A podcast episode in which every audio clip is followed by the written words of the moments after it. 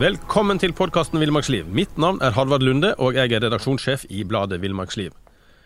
Bernt Are Barstad, du har jo vært ute på det som vel må være verdens lengste tur. Den skal vare i 1000 dager minst. Og når vi tar opp dette, så har du vel vært ute i sånn rundt uh, røftlig 800 dager. Det er vel ingen i Norge, eller kanskje verden, som har frivillig har bodd lenger ute enn deg?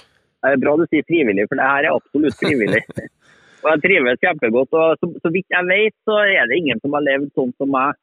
Eh, på de 800 dagene ute nå, da, så har vi 12 dager i sånn statsbu. Ja.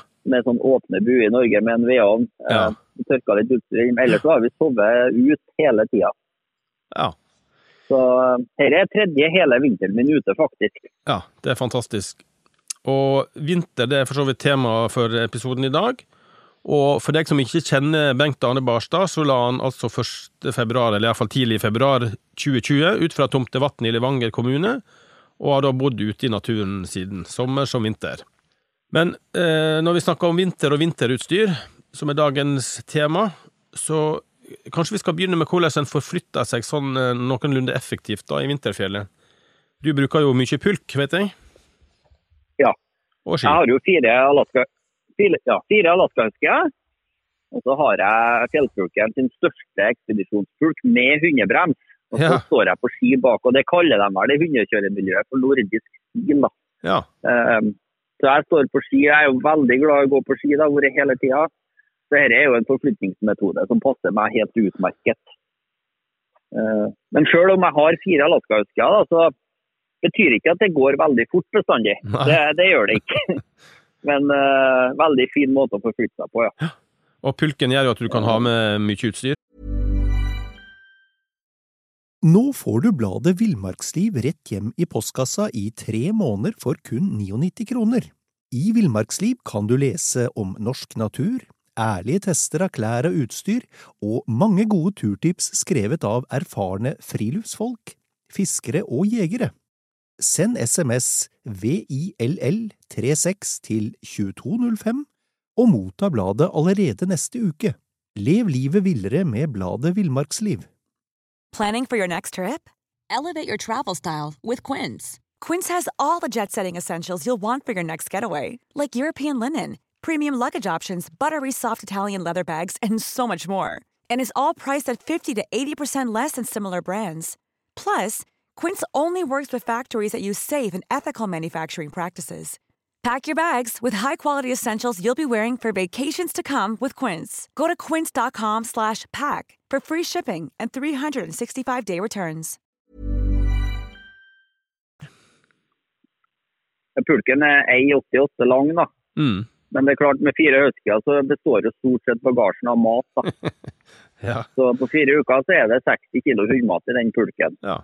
Og så kommer det om vinteren så Jeg fyrer jo mye bensinprimus i teltet og må jo tine vann til dem midtvinters faktisk, når jeg ikke fisker på isen.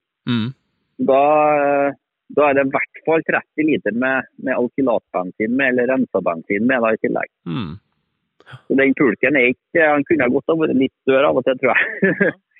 Og ski, der har du Du kjører vanlig fjellski? ja, jeg kjører vanlig Jeg bruker Fischer sin eh, jaktski, som er smørefri. Mm. Eh, Jeg må jo ha ski uten stålkant eh, pga. hundene. Ja. Jeg kjørte jo faktisk de første årene med stålkantski, men eh, min gamleste hund Tapper han skada seg faktisk på en stålkant og er delvis hardt på ene bakfoten. da, Så jeg, jeg tør ikke lenger med stålkant. da. Så breie ski med god innsving bruker jeg, og da er det jaktsida til Fischer som er tingen. ja. Og hvordan er det uten, uten stålkant, egentlig? Får du godt feste? Ja, du gjør, du gjør det på stort sett alle forhold. Jeg sliter selvfølgelig når det er sånn panser, panserskare, som jeg kaller det. Ja. Sånn halvveis sånn isskare. Da, men da må jeg kjøre så forsiktig med pulken likevel at da, da holder jeg stort sett i bremsen. da, Mm. eh, Og må bremse underveis. Men eh, bortsett fra det, så funker de skiene eh, stort sett på alle forhold. Det Ja. at de er smørefri gjør jo at de på noen fører glir dårlig, da. Ja. Faktisk. Eh, men det igjen med fire husker så gjør ikke noe om det glir litt dårlig innimellom. Så, så eh, jeg har jo brukt de aksjene der er vel femte vinteren, hvis ikke jeg tar helt feil. ja. Solide greier. Det, Ja. Og, og bindingssystemet det du har gått for, det er Ja, Fram til nå så har jeg brukt uh, vanlig 75 mm, da, rottefella 75 mm. mm. Uh, jeg skulle gjerne ha brukt det, det BT-systemet, men spesielt når jeg kjører uten pulk, da det er litt dårlig føre. Jeg kjører jo mye tur med dem eh, uten pulk. Ja. Så er det ikke sidestabilt nok, det BC-systemet, dessverre. Nei. Men uh, i vinter da, så har jeg bytta ut, og så har jeg kjørt på den nye rottefella Explore-bindingen. Ja. Det må jeg jo si, for meg så var det en revolusjon. For uh, da får du Du får jo egentlig det BT-systemet. Det er jo like lett som BT-systemet, den rottefella Explore. Men så får du den sidestabiliteten som jeg trenger da i tillegg. For den er helt stiv, eh, stiv den skoen da i sålen. ja, for det, det er et system som der sko og såle på en måte henger sammen, da. Ja. Det er to, to sånne fjærbelasta pinner foran på skoen som du stikker ned i bindingen. Ja. Eh, Jeg var jo litt skeptisk til både barnesykdommer og eh, det her holdt, da, for det ser jo veldig spinkelt ut. Men det har det gjort. altså. Jeg har ikke hatt trøbbel med det systemet i hele tatt. Ja, det var nyttig, for det har jeg tenkt òg, at det er liksom til iallfall utenfor løypa at det kan På litt tøff snø, da, at det kan være litt spinkelt. Men eh, jeg ser i alle tester sånn at det holder veldig godt, da. Ja, det har gjort det. Også, også til meg som, eh, som står bak pulken i tillegg og ploger mye, så er det du blir, Har du et system som ikke er stivt nok, så blir du fortere klar i fotene. Mm. Og, så så det, det har hjulpet meg betraktelig, det rottefella står. at Mm. Anbefales virkelig. Ja. Har du med deg truge på tur? Nei, det skulle jeg gjerne hatt, men det har ikke jeg plass til. Jeg, jeg er glad i å gå på truga. Før jeg, før jeg dro på langtur, så gikk jeg mye på truga. da. Mm. Eh, På enkelte fører så er det jo når det er skikkelig gjennomfag, eller skikkelig sånn høkkerterreng som jeg kaller det, med, med skog og bratt, så er truga fantastisk. Mm. Absolutt. Men eh, på turen her så har jeg dessverre ikke plass til det. Og du bruker vanlige sånn skistaver med ordentlig trinse på, antar jeg? Ja, det, det gjør jeg. Det må være skikkelig gode trinser og, og stive staver. Jeg har ikke vært helt fornøyd med de stavene på markedet, men jeg fikk inn noen nye staver fra OneWay nå som var skikkelig stiv og god. Mm. Eh, og de hadde også sånn at du, du kunne skru av trinser veldig lett og bytte trinse hvis det skjedde noe. Ja, Eh, smart. Jeg har jo ennå ikke vært borti noen trinser som, som holder en hel sesong, for å si det sånn. Så det er veldig viktig at du kan bytte trinser. Ja, Ja, for det er ofte et problem, og jeg syns ofte festemekanismen er for svak, da. Ja, den er, det, det, er der, det er der den går. Men, Men, uh, de stavene men eh, du, du vinterstid, altså du ligger jo perio periodevis i ro, eh, har sagt om ikke i vinteropplag, så i hvert fall over lengre tid på samme, samme plass, da, og du bor i telt eh, hele vinteren. Hva er det du ser etter når du skal, skal ha et godt telt? Ja, altså, jeg, når, når jeg, du er bare én, sånn som meg, da, så er jo tunneltelt er jo helt gull. For det er kjempelett å sette opp. Mm. Og så for Der er det rett og slett bare å venne seg til og feste bak først, og så få i stengelen i stangkanalene, så drar det ut egentlig uansett vær. Mm. Eh, Så det er lett, lett og fint å sette opp da, for meg som er alene. Ja. Og så drar jeg jo med et tremannstelt, for jeg sover jo sammen med hundene i, i teltet. Um, og det gjør jo at teltet sliter egentlig veldig da, med tre, høst, tre litt ville, fire litt ville husker i teltet. Ja. Eh, Så, um, så jeg velger nok Jeg må ha, jeg må ha telt med en god ytterduk med høy rivestyrke. Og så må bar- bardunfestene nemme være skikkelig, skikkelig gode. Så um, Jeg for jo veldig mye med kuppertelt. Det er jo en diskusjon det der med ku- kuppel kontra tunnel. da, vet du. Ja, ja, ja. Men når du kommer opp på en viss størrelse, så er ikke kupperteltene spesielt mer vindstabile enn eh, tunnelteltene, faktisk. Nei.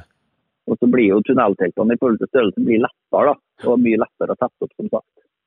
Ja, og, du som, og du som bor såpass mye ute, så er det jo litt komfort det å ha litt plass også, tenker jeg.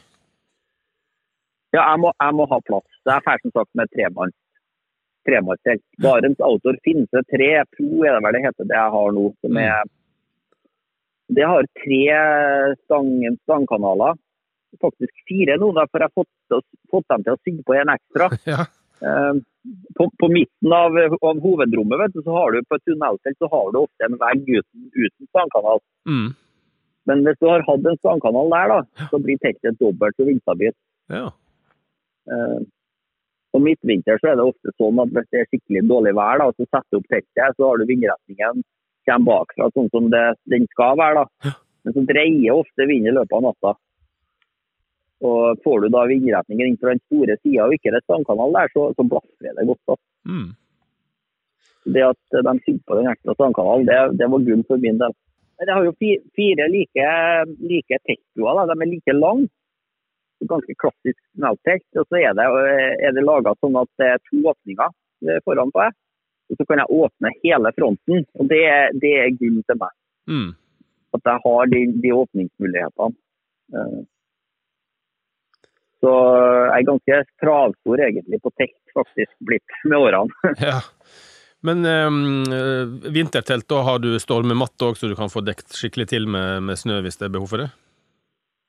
Ja, jeg har, eh, jeg har gått bort fra å si at du trenger ikke stormmatta til å absolutt være tilhenger av det. Det blir et mye lunere telt. og så Når du ligger opp på samme plass over flere dager, når du har snø på, på stormmattene, så står det bedre. altså. Ja. Men så må du være litt påpasselig da med luftinga når du fyrer primus, for det blir tett det teltet da når du legger på snø rundt. Ja, for nå har du på vintertelt Du snakket jo om eh, sommertelt i en tidligere episode, at du hadde du kutta ut innerteltet, da. Men på vinteren så Ja, stemmer. Nei, nå, nå må jeg ha innerteltet. Ja. Eh, for det, det gjør at teltet blir lunere, og så, og så Det er jo mye større problemer med kondens, spesielt når det blir skikkelig skikkelig kaldt. For da blir det sånn ishinne på, på ytterteltet når Mm. du fyrer primus. Eh, og da er det godt å ha det innerteltet. Så fær den isen ned, i stedet for at du får det rett ned på soveposen og liggeunderlaget. Men Så de, blir det jo mye lunere. ja, ja. de bi- bikkjene dine, de sliter de veldig på teltet, eller? De sliter veldig på innerteltet, ja. Nå er den ytterduken eh, som bare en tater av at eh, det var vel kanskje litt pga. meg, for jeg forklarte dem da. Ja. Så de har ennå ikke faktisk fått til ordentlig på ytterduken. Eh, Men innerteltet sliter veldig, ja. Det, det fine med fire husker i teltet da, som midtvinters, er at det er jo fire var- varmeovner, vet du, så det er sjelden er ordentlig minusgrader i teltet når jeg har igjen. Ja. Det, så det er både kos og varme, faktisk. Mm. Noe som igjen gjør at jeg kan få med en litt tynnere sovepose. Så Vintersoveposene tar jo ofte veldig plass. Eh, Så der sparer jeg både litt vekt og litt plass, faktisk.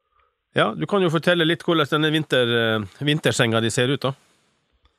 Ja, jeg er veldig nøye når jeg, eh, når jeg finner en leirplass da, med å tråkke, tråkke ordentlig, en ordentlig god tekstplass. Da. Mm. Eh, Det har jeg egentlig lært av hundene mine. Hvis du ser på husker før de skal legge seg, så går de ofte i ring og tråkker mange ganger før de, før de legger seg ned. Det er viktig at du, at du ligger godt. Så jeg tråkker en ordentlig god, flat eh, plass til tekstet. da.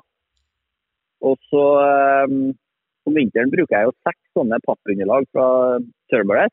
Mm. Snakka jo i den sommerepisoden at jeg bruker tre. Ja. Og så har jeg med meg, får jeg med meg tre ekstra, da, for jeg kan ha tre ekstra på pulken eh, om vinteren. da. Og det, det har litt med hundene å gjøre. Hundene liker, liker å ligge på liggeunderlag, og har jeg med for lite, så er det, så er jeg som havner utenfor liggeunderlaget til slutt. for å si det sånn. Så det har jeg prøvd. Men med seks sånne pappunderlag så får jeg dekket hele soveplassen min inni innerteltet. ja. Så da blir det både lunt og godt å, å på hele. Mm. Noe som igjen gjør at det blir litt lunere og varmere enn jeg, som igjen gjør at du får litt mindre problemer med kondens. ja.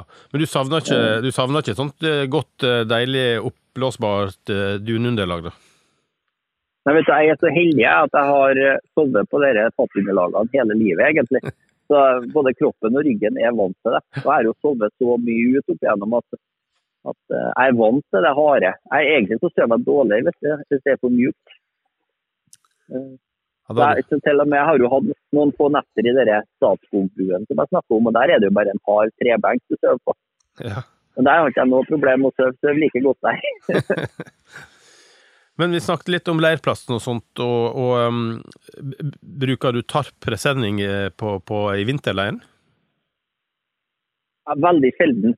Ja. Um, det kommer av at, at, vi, at vinen om vinteren er kraftigere. Så, så jeg kan bruke tarp i skogen, ja, men når du beveger deg mot tregrensa oppe i høyfjellet, så er det bare å glemme det om vinteren. eh, eh, fordi en sånn, en sånn tarp har så stort vindfang at du Mm. vil slite med, å- med å holde den ordentlig fast.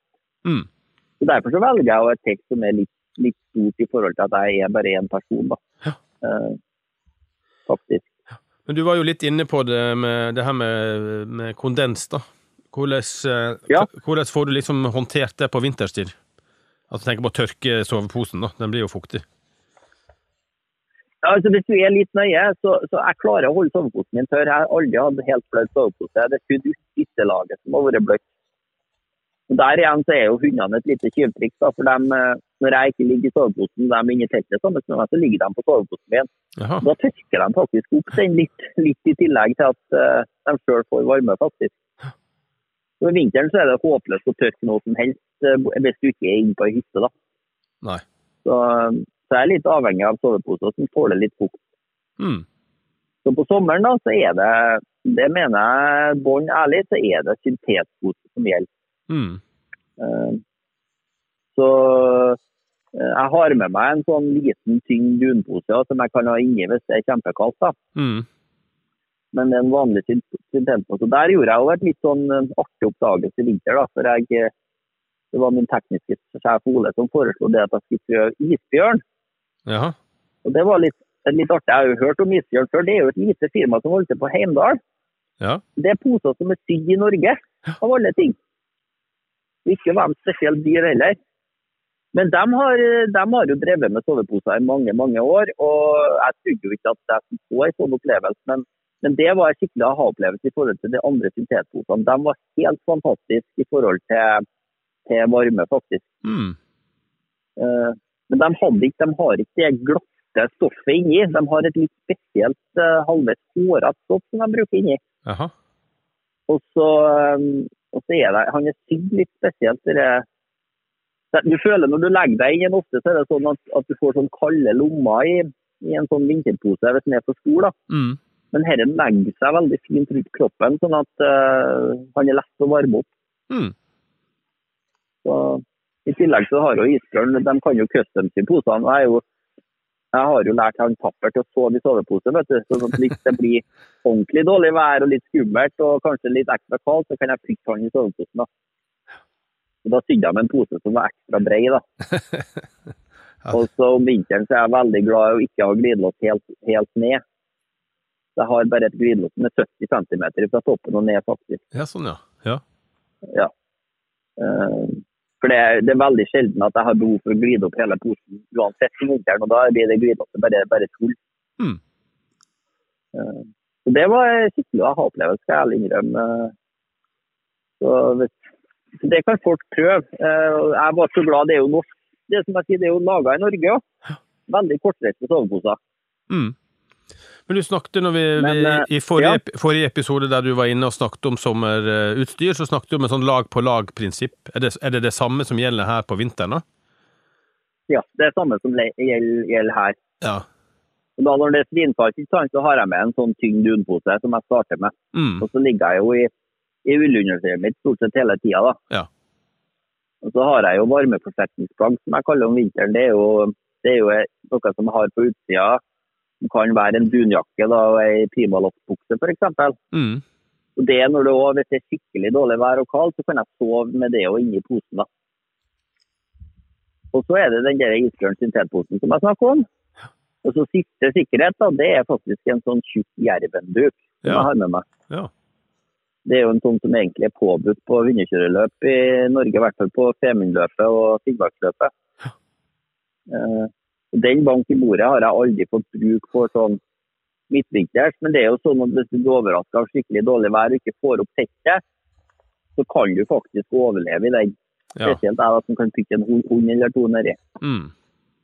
Men den hender at jeg bretter rundt soveposen, soveposen min. da. Det hender at, at, at hundene og alle sammen ligger under den. Eh, spesielt når det er skikkelig kaldt eller mye kondens, og så redder den soveposen litt. Mm. Men- det er egentlig sove, sovesystemet. ja. Da, kanskje det er naturlig at vi snakker litt om, om varme og fyring og sånt. og du, Jeg vet jo at du fyrer i teltet. da. Kan du Ja. liksom si litt om hva slags erfaringer du har gjort deg der? For det første så er det tryggere å fyre i teltet enn hva man tror, men man må, man må lære seg å kjenne brenneren sin. Så det er ikke noe sånn at Hvis du er nybegynner på, på multifuel eller bensinbrenner, så er ikke satt noe fyr i, fyr i teltet. Fyr en del ut først. Mm. Men eh, som jeg sier, i forhold til parafin, da, som, spesielt om vinteren, så får ofte parafin sånne brå oppflamminger. Mm. Eh, så jeg har som sagt eh, jeg har ikke brukt parafin i det hele tatt noen gang. Jeg har prøvd det, men jeg har, jeg har ikke vært helt fornøyd med det. Så både sommer som vinter så er det rensa bensin, eller alkylatbensin, Mm. som, som gjelder. Um, så jeg har med meg to sånne tynne treplater som jeg setter primusen min på og kaffekjelen min på. kaffekjelen min på. Ja. Og så fyrer, fyrer jeg på, på den, da. Ha, ha- har du feste på deg sånn at eh, brenneren står fast? Nei, jeg har ikke, jeg har ikke fordi jeg, den, da blir den plata ta enda mer fart. Ja. Eh, Jeg burde ha hatt det, men jeg, jeg har ikke. Nei, for jeg ser en del, en del har det som, som for sikkerheten at det ikke skal skli, da, selvfølgelig, men eh, Ja, for det henger, henger den sklir. Det gjør det, altså. Så, så det kan være en fordel, da, men den tar, den tar litt ekstra fart, den, den plata. da. Men holder det, Jeg prøver å være nøy.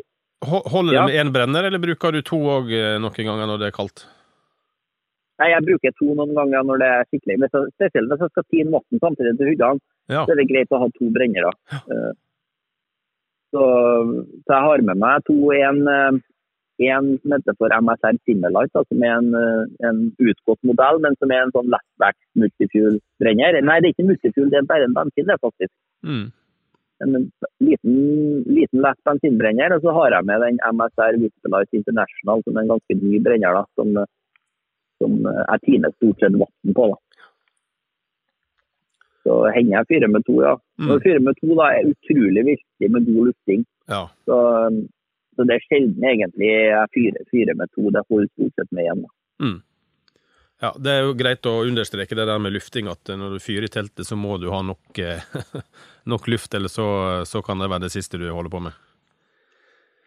Ja, så er det jo det som er hovedforskjellen på et sånt tre-fire sesongstelt og et vintertelt. Vinterteltet, Hvis du kjøper et rent vintertelt, så vil det ha bedre lufting. Mm.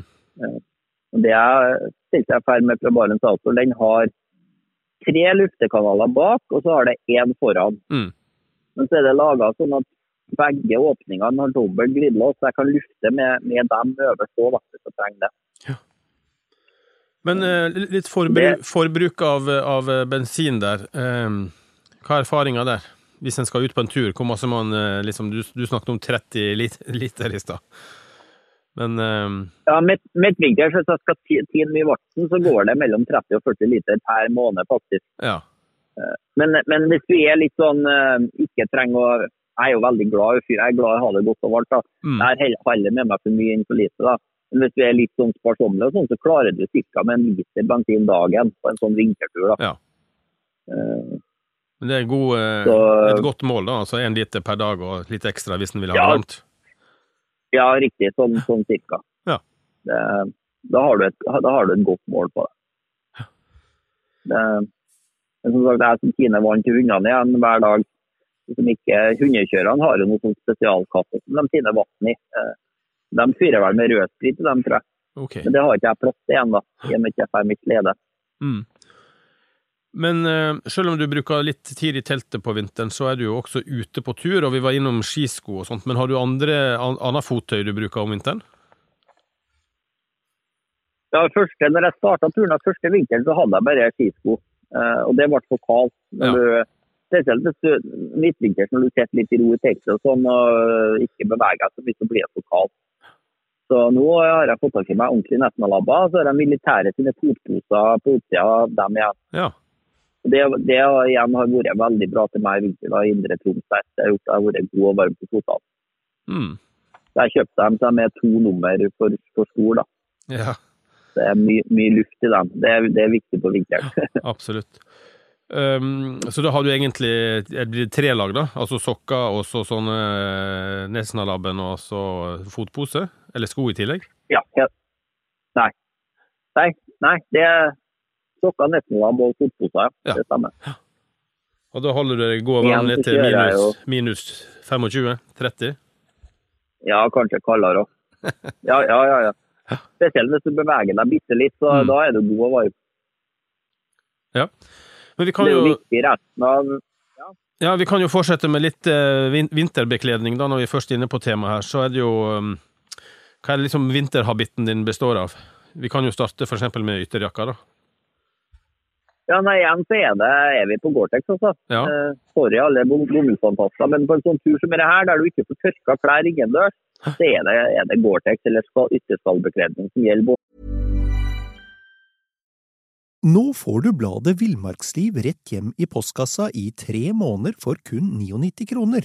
I Villmarksliv kan du lese om norsk natur, ærlige tester av klær og utstyr, og mange gode turtips skrevet av erfarne friluftsfolk, fiskere og jegere.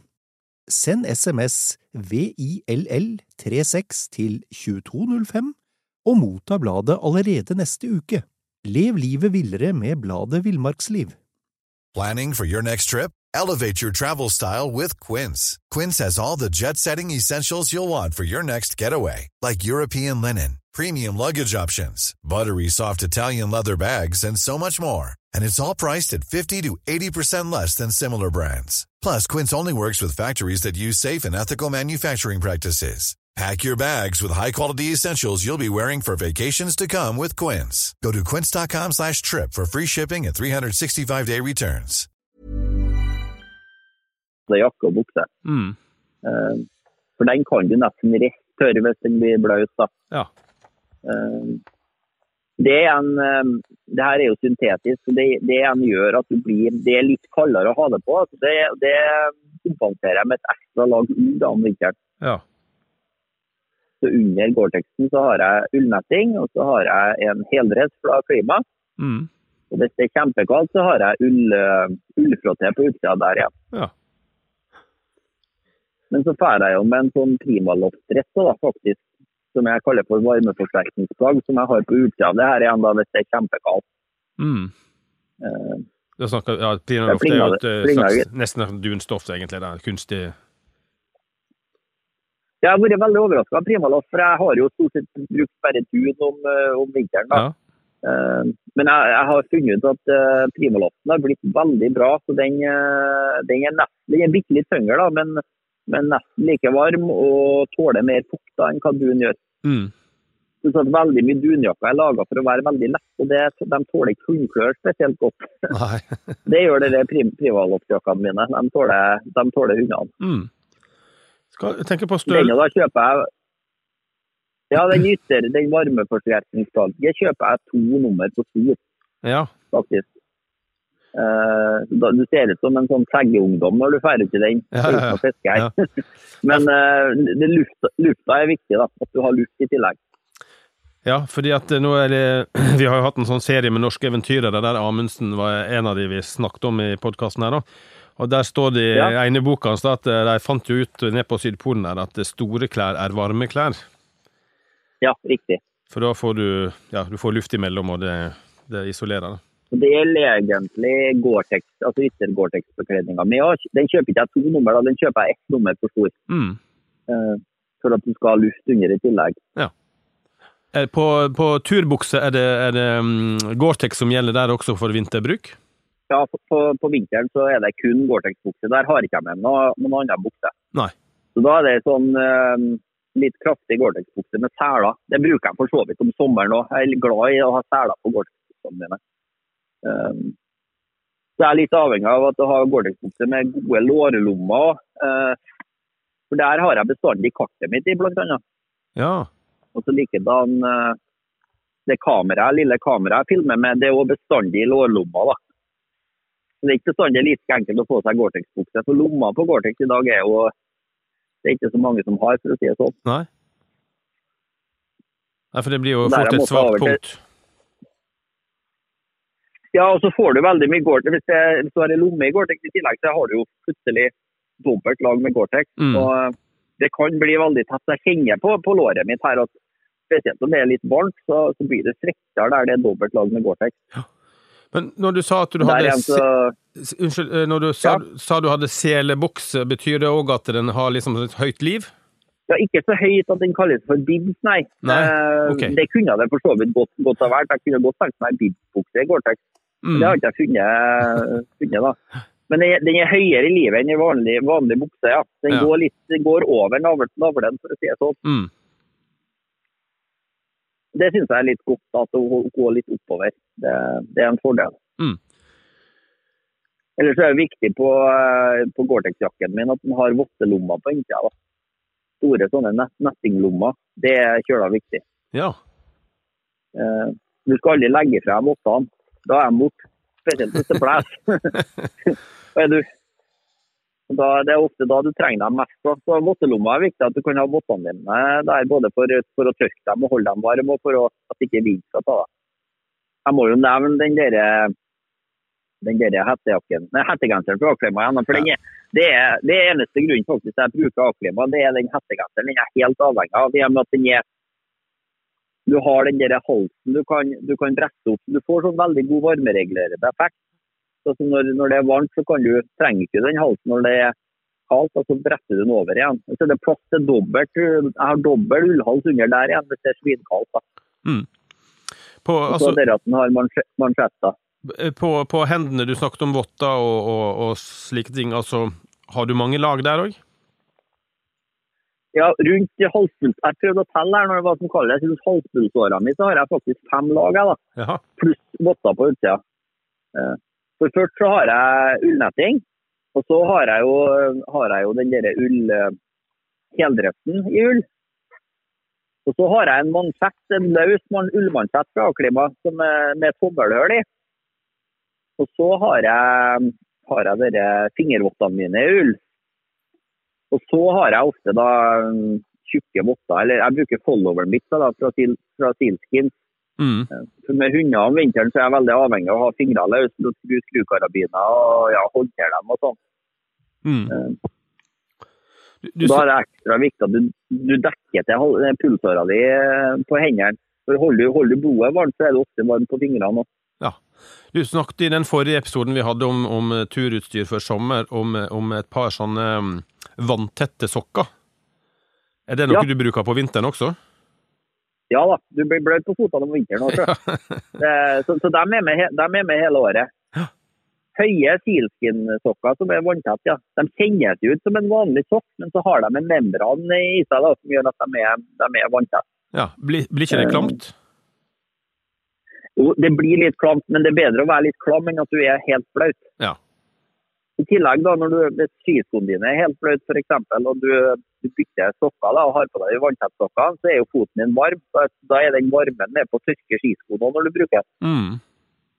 Så det, det vanntettsokkene er faktisk helt, det er helt gull. Det, men det er som jeg sier, jeg sliter litt. Folk tror at det er noe du skal bruke for ikke å bli bløt, men du skal bruke dem etter du er blitt bløt, for å være tørr. så dem er jeg helt dønn avhengig av. Jeg har bestandig med meg et, et nytt par sånne. Ja. vi, vi var jo innom at du bruker pulk, og at det fungerer veldig bra på vinteren, men, eh, men bruker du ryggsekk i tillegg? Jeg kjører med den store norrøna, gamle norrøne patrammesekken min om sommeren, nei om vinteren òg, ja. Ja. Men jeg, jeg pakker den ikke veldig tung, da. Den er ca. 20-25 kilo. Det er jo, det er jo lett, lett til være sekk til meg. ja. Så Men er det, der, er- det går jo litt, litt på sikkerhet. da. Der oppe har jeg soveposen min, og jeg har eh, stort sett klærne mine. Eh, ikke alltid i tilfelle, for det hender seg jo at hundespannene stikker av med sleden, vet du, eller pulken. Det er bank i bordet, aldri sett meg. Og Hvis du da står der da, uten bare i det du står og går i, så kan det faktisk være litt stilig i høyfjellet. ja, absolutt. Så i sekken så er det Der har jeg basisutrustninga mi, egentlig, kan du si. Mm. Ja. Er det, andre, altså er det valg av sekk til vintersbruk, er det andre ting en bør tenke på enn en, en type en sommer, sommertursekk, da? Nei, men vinteren er en øh, det, det spørs litt. Jeg vil jo anbefale folk, hvis de skal på en ukestur i fjellet om vinteren, å bruke pulk. Mm. Um, og pulk, pulkmarkedet er jo, er jo egentlig også ganske bredt. da. Men er du sånn halvveis nybegynner, så trenger du ikke å kjøpe deg en sånn uh, glassfiberpulk. De er ganske dyr. Jeg for jo med mange, i mange år med en sånn plastpulk fra fjellpulken. Mm. Den er nesten bedre den enn en glassfiberpulk, faktisk. For den er bredere. Så den Ja. vetter ikke så lett. Um, men det jeg vil anbefale folk da, når det gjelder sekk, som du spør om, det er å bare ha en enten en litt stor dagstursekk der du har som sagt basisutrustninga di. Eh, men det viktige med den sekken til meg da, er at den har pulkfeste. Mm. For når du ikke får med pulk og skal trekke, trekk pulken sjøl, så er det litt sånn tungvint hvis du skal ha det pulkbeltet på innsida av, av sekkbeltet. Ja, riktig. Men der finnes det jo sekker, både fjellpulken har sekker, det finnes sekker med, med det som var sånne deringer med, som er pulkfeste. Ja. Men jeg vil absolutt anbefale folk å vurdere pulk. Jeg har jo møtt noen inni her, og til og med en del proffe, proffe folk som Nei, pulk skal de ikke ha. Nei. Det er mye lettere å trekke, trekke utstyret ditt enn å bære på ryggen. Ja. Så blir Det, det ikke så ustødig heller. og du kan ta med mer utstyr. Ja, helt riktig. Helt riktig. Men Er Mer bensin eller altså på vinterstid så de fleste av oss går vel så korte turer at vedlikehold er noe vi kan, eh, kan gjøre hjemme i varme og trygge forhold. Men du, du bor jo i telt hele vinteren, og ting er vått og rusta og alt det der. Eh, Hva er det som krever mest vedlikehold vinterstid? Jeg er veldig nøye. Jeg jakter jo om vinteren. og Det med, med vedlikehold av våpen er jo, Norge er jo noe som kanskje er dårlig opplæring på. da. Jeg er veldig nøye med å vedlikeholde våpnene mine. Hvis ikke så virker de ikke, faktisk, eh, om, om vinteren. Eh, så da er det igjen å ha med seg Jeg bruker jo dere, dere mineraloljen som heter for Ballistol, som er et veldig sånn godt universalmiddel. Det bruker jeg faktisk veldig mye på hund- hundepoter nå når de er sånn halvsår. Ja. Fantastisk middel til hundepoter. Ja, du smør, smør oljen på poten? Ja, tar det på handa mi og så smører det godt inn. Ja. så, så den våpenpusten er, er viktig. Ja. Samtidig som jeg pusser knivene mine. Jeg drar med noen kniver. Om vinteren så drar jeg med en sånn kjempestor uh, hoggstkniv. Den er det jo noe Folk lurer jo litt på den storkniven, hva jeg bruker den til. da. Det er ikke noe mye tre i høyfjellet, vet du. Nei. Men eh, nei, den store kniven i høyfjellet er faktisk du, du, Jeg hogger jo en del is. Ofte så er pulken min nedi seg under. ikke sant? Og Det må jeg bruke den storkniven til å skrape bort isen med. Ja, riktig. Når jeg fisker på isen og isfiskehølene mine frosser igjen, så må du ha en stor kniv til å hogge opp igjen. Mm. Så, eh, så den storkniven er viktig sjøl i høyfjellet om, om vinteren, faktisk. Ja. Men den er en sånn laga av et sånn ståltype at han ruster bare han ser våpen. Da er det viktig med vedlikehold igjen. Eh, Ellers så har jeg med meg jo Jeg må jo ha med meg glider. Det er jo kanskje det som er det, den viktigste biten av ski- og pulkvedlikehold om vinteren. da. Jaha. Spesielt når du går fra kaldt til, til varmt føre. Mm. At du går fra tør tørrsnø til blautsnø, så er det ofte at pulken er kald, og da klabber det noe veldig. Da må du under med, med universalglider, rett og slett. Mm. Ha, har du med deg utstyr for å reparere ting underveis? Ja, jeg har med meg sy- syutstyr og litt nål og tråd og litt stoff, ja. Ja. Så Kan sy både både telt trekke på pulke. Ja da, kan sy alt klær og Ja. det, det har blitt relativt god til å sy. Det blir det på en sånn tur som dette her. Bytta ut, jeg fikk, fikk ny Gore-Tex-bukse her eh, rett etter at skisesongen starta i Livedalen. og så hekta jeg selvfølgelig foten borti bremsen på, på pulken, og den er ganske. Da Ja. ble det svær. Så da må du til å sy. Men eh, ja, vinterstid, vi trenger jo mm, Kroppen trenger masse næring. Spiser du annerledes på vinteren enn om sommeren? Jeg har med meg mer smør, mer fett på, på vinteren. Og så okay. får jeg inn, får inn litt mer ferskmat uh, rundt proviantering. Problemet med midtvinteren til indre Troms er at ting fryser. Mm. Så um, nå rundt påsketider så kan jeg få inn makrell i tomat, men får jeg det midtvinters, så, så må du ete det som en ispinne i hvert fall. Ja, det er ikke Men like fristende. um, Nei, det er ikke så. Jeg får inn, og Vi er veldig glad i den der Gilde fleskepølse. Den har vært en høydare, og det er jo rent fett. Eh, Det bruker jeg jo som, som pålegg. da. Eh, Ellers så får jeg inn litt ferskmat. Jeg får, får inn noen karbonader og noen pølser da, som jeg spiser eh, i begynnelsen etter provianteringa. Ja. Eh, Men jeg har med meg mer smør. da, så Hvis jeg lager meg suppe eller em, en, en pose turmat, så har jeg bestandig en god klatt smør oppi. i tillegg. Mm. Så å vente til å spise fett på tur, det, det går egentlig av seg sjøl. Har ikke noe problem med å spise rent smør. Noe mis- noe misliker jeg. Nei, altså det er jo masse god næring i det, da. Det, det trengs jo. Men Ja, ehm, på min tur så må, så må du ha fisk. Ja. Um, er det noe spesielt en skal tenke på liksom, når en skal proviantere for en vinters, vintertur? Du var inne på dette med at ting fryser. da. Det er jo selvfølgelig eh, logisk når du sier det, men eh, er det andre ting en bør liksom ta med seg?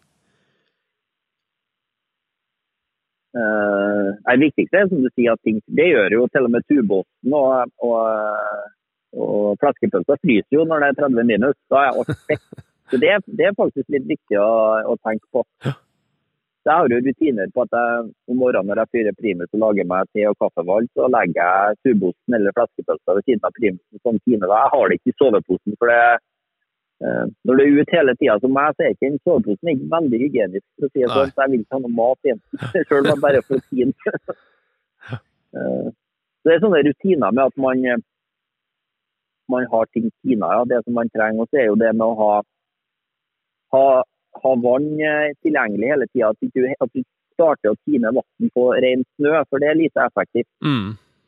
For Har du tørt i en kjele og begynner å tine, så vil, vil det i begynnelsen så vil, det, vil vannet bare dampe bort. Så da har jeg med meg Nå har jeg med meg to, ikke termoser, men termosflasker. Jeg har ikke riktig termoseffekt, men eh, det er sånn at eh, vannet fryser ikke om vinteren. Nei. Så om kvelden så fyller jeg bestandig på, så jeg har to liter med, med, med vann da, eh, til morgenen.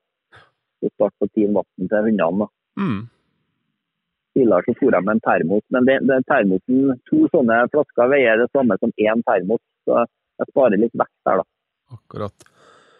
Det er rett og slett, det ser ut som en drikkeflaske, så er det vel doble vegger på, men, men eh, du har ikke kokende vann i den etter tolv timer. Da er vannet kaldt, men det fryser ikke. som sagt.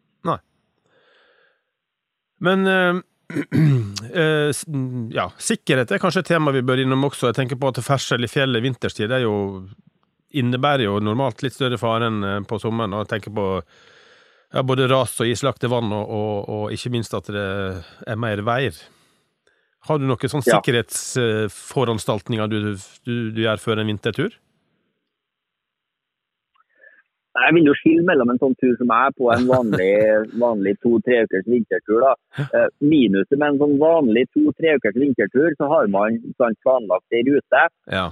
Og så føler man at må, man må bevege seg selv om det er dårlig vær. Det er jo det dårlige været egentlig i høyfjellet som er det, det, det skumle. da.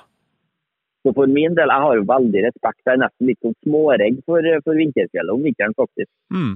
Um, for uh, det, Da prøver jeg å unngå å ferdes over de store viddene da, når det er midtvinter, så når det er, når det er mest dårlig vær. Da, da ligger jeg jo ofte i tregrensa eller nede i skogen der det er lunar. da.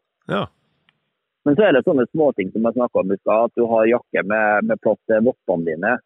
eh, i sånn, at, sånn at du hele tida har kontroll på at du ikke mister vottene dine. Mm. Eh, og så Knivene mine er viktigere for turen her enn hva folk tror. da, for, eh, for eh, når, Om vinteren så er alt, alt eh, Stort sett så må du gjøre alt med votter. ikke sant? Mm. Jeg er med fire hunder, så jeg har en del tau jeg må holde rede på. og Så har, er de festa med klokkekarabiner. vet du. For de, de sliter seg jo løs fra stort sett alt annet her i høstene. Så når det, når det karabinene fryser, så må jeg ha lett eh, ledermannen min De må være lett tilgjengelig. Det må være sånn at jeg får opp med ei hånd. Så Den henger på en kniv, knivslire da, som, eh, som jeg har brukt i mange år. Den er egentlig spesialdesigna for det, det bruker. Mm. Så Da må holde jeg som oftest en hund, og så må jeg ned med ei hånd og få tak i den ledermannen for å skru opp den skruekarabinen som er frosset. Mm.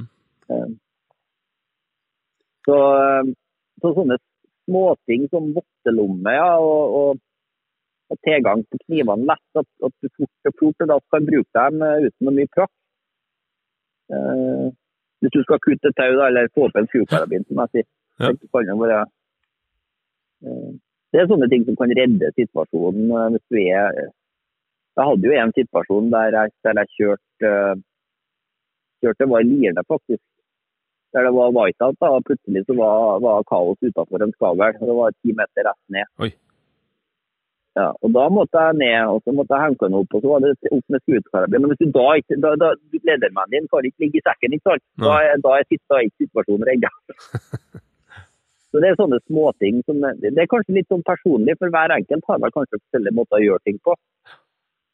Men, eh, men eh, Bottelomma, ja. At jeg ledermannen min klart klar hele tida. At eh, jeg bestandig i lomma så har jeg bestandig en sånn eh, eh, sånn eh, som det heter.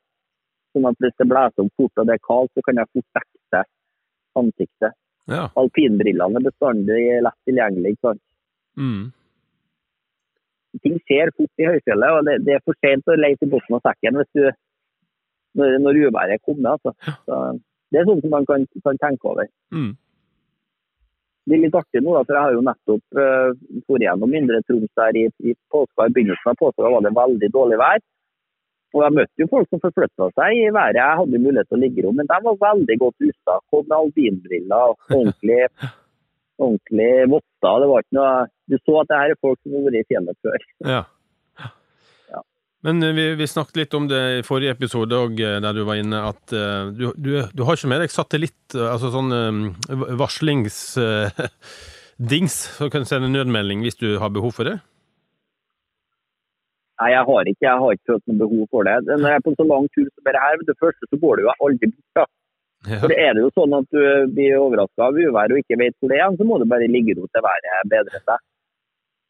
Så sier jeg som sagt jeg er veldig respekt for vinter og høyfjellet, så jeg har, har overhodet ikke tatt noen sjanser. Og det trenger jeg jo heller ikke, jeg som er ute så lenge at jeg, jeg kan legge ro når uværet er på sitt verste og heller vente. Mm. Så egentlig, det, Det har, at- det har god tid er ditt beste sikkerhetstips, da, egentlig? Ha, ha god tid. Husk på, det er mye finere å fære gjennom fjell, fjellene her når det er godvær, enn når det er dårlig vær. Når det er dårlig vær, ser du stort sett ikke en ting. Nei. Så det å se an værmeldinga og ha god tid er egentlig et meget godt tips. Ja. Og det ser ut, det er jo mange som legger ut på, på Instagram og Facebook, og det ser så tøft ut å legge i telt når det er dårlig vær. Mm. Tro meg, når du ligger der og du, du lurer på om teltet er fjær, så er det ikke mye tøft lenger. Nei. Det, det er viktig å tenke på. Og da gjelder jo at du har gjort på en måte grunnarbeidet med å sikre teltet skikkelig og grave snø på stormatten og alt det der, da. Rikt, riktig. Uansett hvor godt vær det er, så må du, må du egentlig feste teltet godt om kvelden. For det, det kan forandre seg forferdelig fort. Mm. Og så jeg, har jo, jeg bruker jo bare snøplugger. Jeg bruker Kiel eller noe på, på, på å gjøre fast teltet. Det kommer jo av at enn hvis det er dårlig vær, en hund drar og bruker skien, da har jeg plutselig et telt som ikke er sikra. Ja. Så, så jeg bruker jeg gjør fast teltet med, med ordentlig med snøplugger hele veien, veien rundt. Mm. Å velge sikt med kjempegod ballonering, det er kjempeviktig. altså. Er det noe av det utstyret du har med deg som på en måte har overraska har sagt positivt? På, på vinterbruk, ja, det ski, ski, nye skibindingen. Ja, det var det, var, det var en skikkelig vinner. Det, var, det gjorde rett og slett at jeg ble mye mindre klar i fotene når det var vanskelig føre. Ja. Så fantastisk bra sånn i forhold til det friluftslivet om vinteren som jeg driver på med. Da er, er det et godt tips til de som skal ut og kjøpe seg nye eh, fjellski, da? Hvis du har to hunder eller flere å kjøre med ski på dem, så, så vil jeg absolutt anbefale. Og likedan, hvis du er sånn som meg, som er gammel telemarkfører, så vil jeg òg anbefale. Det var, det var noe helt annet enn 75 mm. Altså.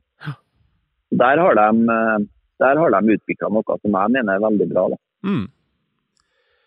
Ellers så må jeg jo si at det nye, det nye Barents Outdoor-teltet mitt har, har egentlig overraska veldig. Det, det har det overraska så mye at jeg fikk Det var, det var jo min tekniske sjef Ole igjen, da, som, som eh, jeg, jeg sendte noen, noen filmsnutter om at det blar så galt. Ja. Men så sa han ja, men teltet det, det blafrer jo ikke. Nei, det er fordi jeg har et bra telt. Det jeg måtte gjøre da, jeg måtte få inn et norsk flagg et sånt lite, som jeg setter ved siden av, så folk ser at det er vi. Ja.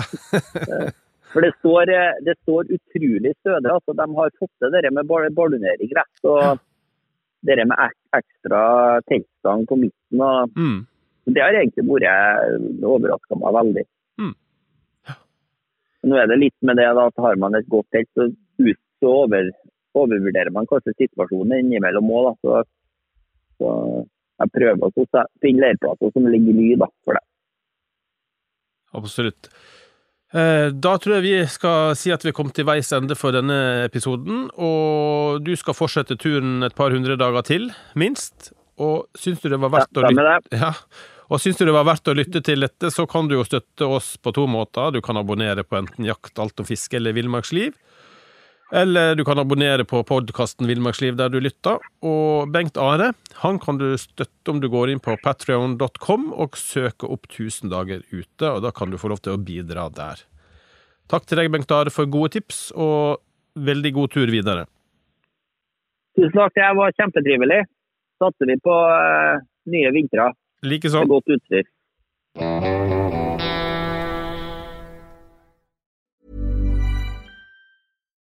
Nå får du bladet Villmarksliv rett hjem i postkassa i tre måneder for kun 99 kroner. I Villmarksliv kan du lese om norsk natur, ærlige tester av klær og utstyr, og mange gode turtips skrevet av erfarne friluftsfolk, fiskere og jegere. Send SMS VILL36 til 2205 og motta bladet allerede neste uke. Lev livet villere med bladet Villmarksliv. Imagine the softest sheets you've ever felt. Now imagine them getting even softer over time. That's what you'll feel with Bowl and Branch's organic cotton sheets. In a recent customer survey, 96% replied that Bowl and Branch sheets get softer with every wash. Start getting your best night's sleep in these sheets that get softer and softer for years to come. Try their sheets with a 30-night guarantee. Plus, get 15% off your first order at bowlandbranch.com. Code BUTTERY. Exclusions apply. See site for details. Planning for your next trip? Elevate your travel style with Quince. Quince has all the jet setting essentials you'll want for your next getaway, like European linen, premium luggage options, buttery soft Italian leather bags, and so much more. And is all priced at 50 to 80% less than similar brands. Plus, Quince only works with factories that use safe and ethical manufacturing practices. Pack your bags with high-quality essentials you'll be wearing for vacations to come with Quince. Go to quince.com slash pack for free shipping and 365-day returns.